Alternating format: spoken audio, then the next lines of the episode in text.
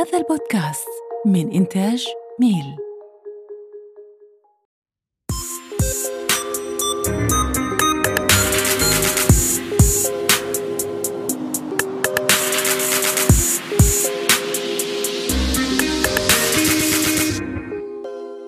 أهلا بكم مستمعينا الكرام في حلقة جديدة من بودكاست Bizpresso. أتمنى كلكم تكونون بخير وصحة. مستمعينا الكرام لا تنسون تسوون review على Apple Podcasts وإذا كنتوا تستمعون من اليوتيوب على قناة مير.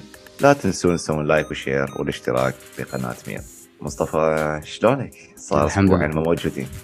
إحنا busy والله هالاسبوعين فاتن. أي صح. شوية يعني تأخرنا بالحلقة هذه. أحمد آه، أكو تعليق قريته آه، لإبراهيم الزبيدي اي آه، شوي شو دعوه علي أنا هنا أكو شخص كاتب له إنه طبعا تحياتنا لإبراهيم آه، كاتب له إنه أكو ناس آه، فاشينيستا آه، أنت technologista طبعا إبراهيم مهووس بال آه، بال- بالتكنولوجيا. وهو الصراحة يعني يشتغل بهذا المجال ال tech field يعني. وعنده البودكاست Techpresso اللي يسويه هو Techpresso طبعا آه، هو يعني آه، يسولف بيه عن التكنولوجيا وعنده بودكاست اللي Bizpresso اللي هو وألن يحجون بيه عن الأخبار. أي أحمد؟ طبعا آه. تحياتنا لهم اثنيناتهم. طبعا تحياتنا لهم. أي اليوم موضوعنا مختلف شوية آه، بعيدا عن الأسهم والعملات أحمد. نسمع عن الشركات الناشئة اللي صارت آه، تملك ملايين آه، بل أكو بعضها صارت تملك المليارات. وهذه الشركات بدأت من رؤوس أموال قليلة نسبيا يعني. وهسه تدير ملايين الدولارات. تملك مئات أو آلاف الموظفين.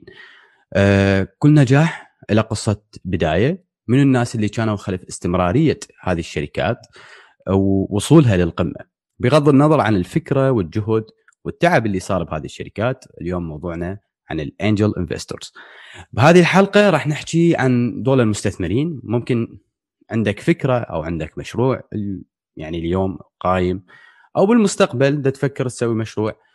بس ما تعرف شلون راح تجيب له رأس مال. ممكن هاي الحلقة تساعدك ولو بالقليل. مصطفى المستثمر الملاك أو الملائكي المعروف عنده أكثر من مصطلح طبعا باللغة الإنجليزية.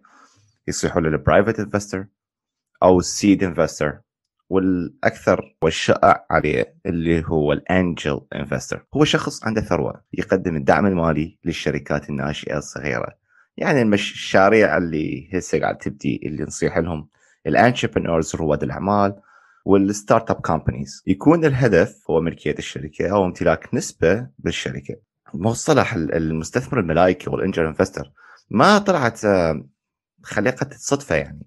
فهي أكيد يعني الفكرة هي موجودة من البداية لكن المصطلح مصطلح ال- ال angel الملائكي جاء من مسرح البرودواي. لما كان الاثرياء يدفعون فلوس حتى يمولون الانتاج المسرحي أول شخص استخدم هذا المصطلح هو ويليام ويتزل وخلص دراسة عن كيفية جمع رواد الأعمال لرأس المال من جامعة نيو هامبشير هو هاي النوعية من المستثمرين يحاولون قدر الإمكان آه، يعني آه، الاستثمار بالشركات الناشئة. وهذا النوع من الاستثمار هم به مخاطر أكيد يعني.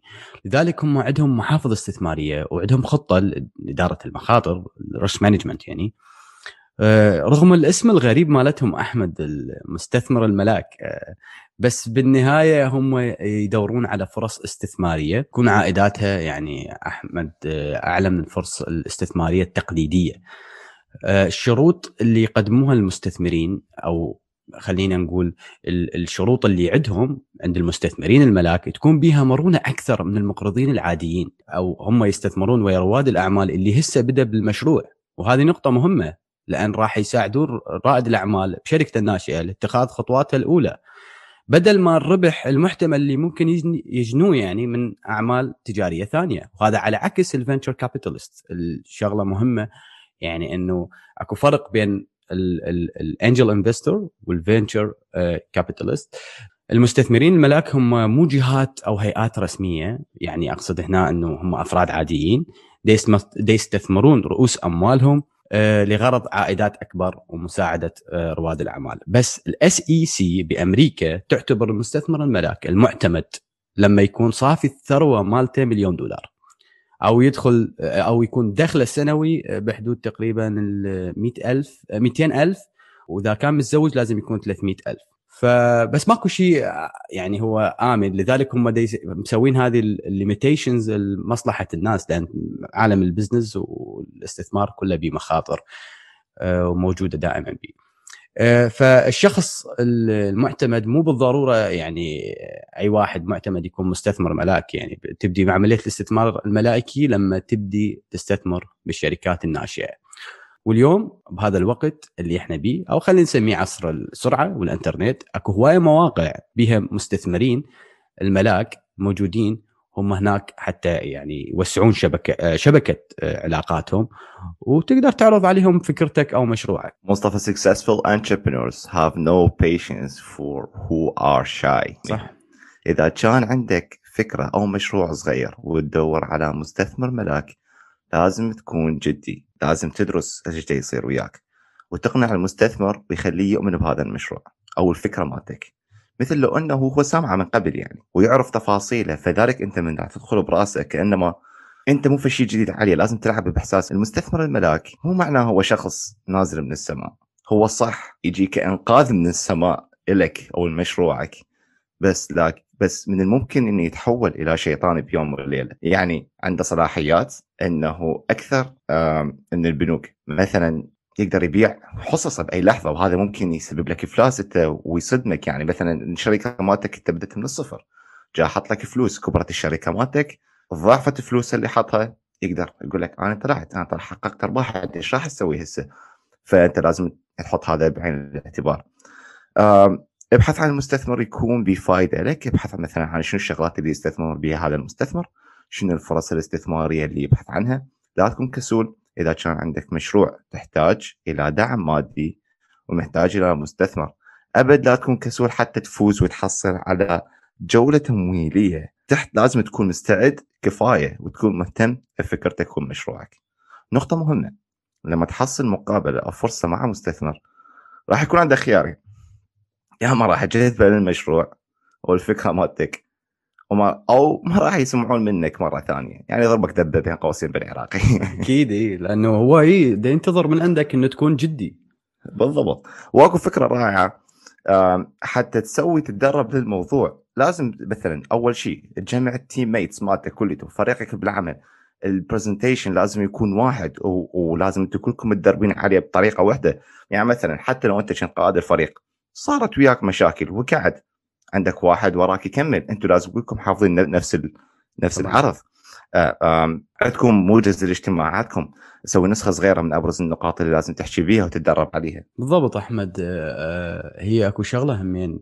آه، قبل ما يقفز المستثمر وياك من طيارة على ارتفاع 30 ألف قدم لازم تعرف عندك مظلة تقفز بيها يعني؟ ولازم تعرف تستخدم هاي المظلة. اللي اقصد هنا نفس الفكرة. مستثمر الملاك ما راح ينطيك آه، فلوسه ويقول لك آه، يلا بلش. ويعني قبل ما توضح له عملك التجاري شلون يشتغل وتحتاج تنطي المستثمر الملاك معلومات هواية عن مشروعك لحد ما يقتنع بأنه شركتك الناشئة تستحق وقته وماله. يعني خلي نفسك بمكان المستثمر. راح تنطي فلوسك اللي تعبت بيها لفكرة تجارية أو إلكترونية ضعيفة؟ أكيد لا. ولازم يكون عندك exit plan وهذه أكثر شغلة يتحمس لها المستثمرين الصراحة. آه، خطة خروج هي أما عن طريق الخروج الاكتتاب آه، العام ال IPO واللي آه، يعني شركتك تندرج بالبورصة. وهذا الشيء صعب أكيد لأن الشركات الناشئة نادرا ما يصير وياها هذا الشيء وقليل نسبة حدوثه. أو استراتيجية خروج عن طريق الاستحواذ أو عن طريق استهداف شركات معينة كبيرة. تشتري شركة الشركة مالتك وتكون محضر سجلاتك المالية ولازم تكون عالية الشفافية ومنظمة حتى يصير عملية الاستحواذ. وباستراتيجية الخروج الواضحة راح تكون مثل الدليل على أنه أنت هم ماخذ مصالحهم بعين الاعتبار أقصد المستثمر الملاك أو المستثمرين لما يشوفون عندك هاي الاكزيت بلان. الاستثمار في كل مجالات بمخاطر. ولو نجي على عدد الشركات الناشئة اللي تحقق أرباح الصراحة عددها كلش قليل. يعني ما هو والمستثمرين الملاك يعرفون هذا الشيء ويعرفون إنه نسبة كبيرة من من استثماراتهم راح تضيع ويعرفون إنه هم ما راح يقدرون يقضون على هذه المخاطر. والشغلة الوحيدة اللي كل مستثمر يحاول يسويها هي تقليل المخاطر قدر الإمكان عن طريق دراسة المشروع أكثر أو أكو يعني حقيقة لا تغفل عنها هي إنه كل الشركات الناشئة بها مشاكل ولازم تكون صريح وواضح عن المشاكل اللي موجودة بشركتك أو مشروعك حتى تكون أنت صادق وهذا الشيء راح يحترم المستثمر الملاك. نقطة أخيرة حاب أضيفها مصطفى هنا. أكو ثلاث أنواع من ال angel investors اللي هو ال momentum investors والثاني واحد هو ال value investors والثالث واحد هو ال alternative investors أول واحد خلينا نحكي عليه هو ال momentum investors هم مستثمرين اللي يستثمرون على أساس الغريزة. والرؤية البعيدة للشركة مالتك.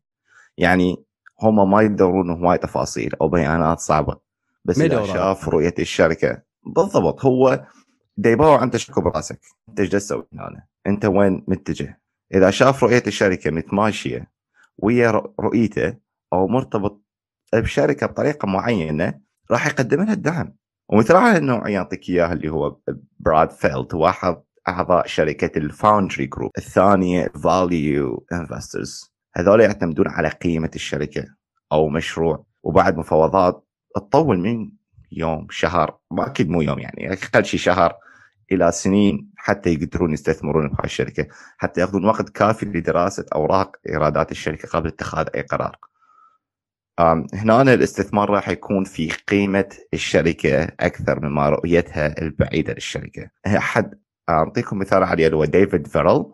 هو أحد مدراء أم، شركة HUB Angel Investment Group. الثالث عندنا ال alternative investors هاي نوعية من المستثمرين الملائكة يردون إرسال رسالة للعالم بدل من الاستثمار بالأسهم أو السندات. يركزون مجهودهم على مجال عمل معين مثل الرعاية الصحية، التحف، النبيذ وغيره أكيد هو Alternative investors يحاولون جهد الإمكان مساعدات رواد الأعمال ببناء أعمال قوية. إذا استثمر بالأسهم يستثمرون بالأسهم الخاصة حتى يضمنون الشركات المحلية تحصل على دعم لازم. مثال عنهم شركة Blue Tree Capital Group أو Blue Tree Allied Angels مدي صحيح. آه وكو شغلة همين. تدري إنه المستثمرين الملائكة عندنا هسه بدأوا يظهرون بالوطن العربي. يعني أنت لو تبع المواقع صح. ال- الأجنبية هواي بها مستثمرين ملائكة. يعني عنده استعداد يستثمر وياك ب ألف خمسين ألف. يعني أكو أكو مواقع. تدخل تد- تدخل بيها تسجل تحط مالتك الفكرة وتشوف. وأكو ناس يجي يستثمر وياك مثلا. يعني أكو مواقع شفتها عارضين بها أفكار كلش حلوة. آه وممكن تستثمر وياهم يعني من 5000 10000 دولار وتبدي وياهم بالاستثمار. عرفت شلون؟ صح صح. آه، هسه دا أشوف بالخليج بدأ إنه إنه يكون أكو مستثمرين من هاي النوعية. بس أحمد تتذكر أول مرة لما كنت بالصين خابرتني أي. بالليل؟ قلت لي آه، طبعا أحمد خابرني مرة بالليل. أنا نايم قاعد من النوم هو عنده نهار والصبح راح يكون عنده شو اسمه مقابلة ويا مستثمرين. كان أول صح. لقاء ويا مستثمرين. قعدت من النوم من مصطفى قلت له مصطفى تعال الحق لي. قلت له إيش قال لي؟ شكو؟ قلت له آه، المديرة مالتي مسوي اجتماع. وآخر لحظة كانت يعني سويتها قبل النهار بليلة مرتبة كل شيء وكانت ال presentation كله جاهز. تقول لي أحمد رتب نفسك. خلاص اليوم- اليوم الظهر عندنا عندنا اجتماع وين المستثمرين؟ إي. ماكو أحد. أنا شريكي مصطفى. تعال مصطفى. خابرته بنص الصبح عندي الفجريه هو كان عنده بالليل له تعال مصطفى الحق لي. خطيه والله قاعد يمي تقريبا ساعتين. أي. بس نلخص على السريع. اللي النقاط المهمة اللي حكيها. بس والله كان اجتماع حلو مع إنه هذا كان أول مرة أنت توقف قدام مستثمرين مستثمرين صينيين كانوا يعني بالضبط. حسيت وبس كان اجتماع كلش يعني قدرنا قدرنا قدرنا نجحنا طبعا. قدرنا نحصل بعض الاستثمار تقريبا 100 أي. 200 ألف دولار بوقتها لل- للشركة المدرسة اللي ما حد. نشتغل به إحنا. قدرنا الحمد لله نحقق هو هذا التحضير. التحضير يعني كلش مهم واحد يحضر يعني إذا أنت أول مرة توقف أو تحكي يا مستثمر فالصراحة أنت شوف ترى هو مو فكرة إنه بس عنده فلوس ترى المستثمر كلش ذكي ويدور بأدق التفاصيل فلازم أنت هم تكون آه، يعني هو يعني أكو بعض المستثمرين هاي الصراحة الأمانة أنا شفتها آه، ش- شخص يعني شخصيا إنه حتى يشوف يحلل شخصيتك شخصيتك أنت شلون. تتعامل يا وصدقك وكذا يعني لهالدرجة يعني. وهذا الشيء مهم. فمستمعين الكرام أتمنى استمتعتوا بهذه الحلقة وأتمنى حلقة كانت يعني خفيفة ومو طويلة. تنسوا تسوون لنا ريفيو على Apple Podcast وإذا كنتوا على اليوتيوب سووا like للحلقة والاشتراك بالقناه مير على اليوتيوب. شكرا لكم وعلى أمل لقاء بحلقة جديدة. مع السلامة. مع السلامة.